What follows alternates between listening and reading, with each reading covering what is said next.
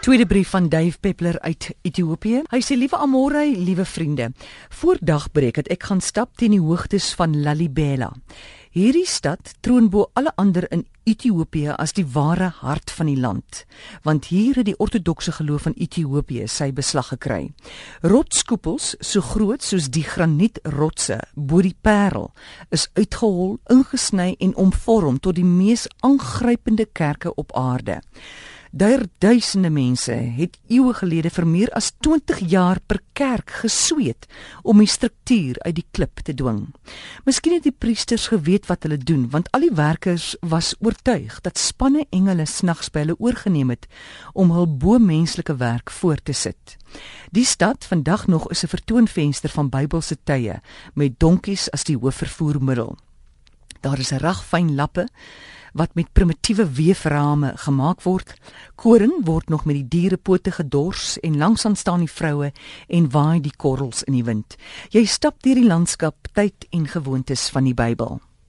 By 'n kruispunt staan 'n jong man, sy linkeroog melkerig van glaukoom, en hy sluit by my aan sonder 'n woord. Ek was vies want vroegoggend is heilige tyd vir my. Ons loop stil stil en nou en dan verduidelik hy die ooglopende aan my. Terug by die hotel is daar 'n ongemaklike stilte want ek verwag 'n versoek om geld. Lomp mompel ek dat ek niks by my het nie, want dis die waarheid. Skaam vra hy: "Sir, I do not want any money, but do you have a spare eyeglass because I cannot see?" Ek het my dood geskaam. En om te vergoed vir my onsensitiwiteit, vra ek hom om 'n ou gebruikte silwerkruis te soek en dit laatmiddag vir my te bring en dan sal ek dit by hom koop. Toe ons busie by die hotel stop, staan hy teen 'n klipmuur en sy vuis is geklem.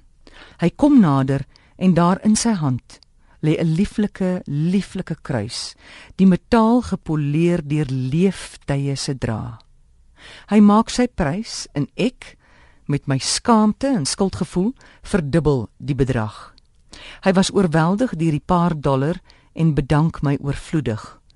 Ek stap weg, draai skielik om en vra hom waar hy die pragtige kruis gekry het. It's my mother's cross, sir. Ons weet eenvoudig niks van swaar kry nie. Dit laat my toe dink aan 'n wonderlike definisie van bewaring. Natuurbewaring is nie 'n wetenskap nie, maar 'n komplekse multidissiplinêre bestuurstelsel. Maar bovenal gaan dit oor mense. Mense met vrese, liefdes, pyn en hoop. En sonder aanraking raak mense afgestomp. Sonder 'n skakel met die aarde raak mense sieloos en sonder liefde word ons eenvoudig net opwenpoppe. Al die geld in die wêreld, al die tegniese vaardigheid en al die elektroniese hulpmiddels op aarde kan nie die aarde red sonder mense nie. Ons is almal broers en susters. Elkeen van ons is deel van hierdie wonderbaarlike familie van die mensdom. Natuurlik is daar monsters tussen ons. Natuurlik is daar mense vir wie besittings en aardse goed 'n surrogaat is vir 'n verware en eerlike lewe. Ons maak almal reekse foute, elkeen van ons maar die met 'n gewete leer daaruit. Ek bepleit nie 'n monnike bestaan nie, nog minder 'n lewe sonder plesier en vreugde, maar kom laat ons besin oor die ware sin van die lewe. Marcus Aurelius 230 jaar voor Christus het die templaat vir 'n goeie lewe so mooi beskryf in sy meditasies. Hy het gesê: "Tree nie op asof jy 1000 jaar gaan lewe nie, want jy gaan nie, die dood hang oor jou." Terwyl jy lewe, terwyl dit binne jou kragte lê. Wees goed.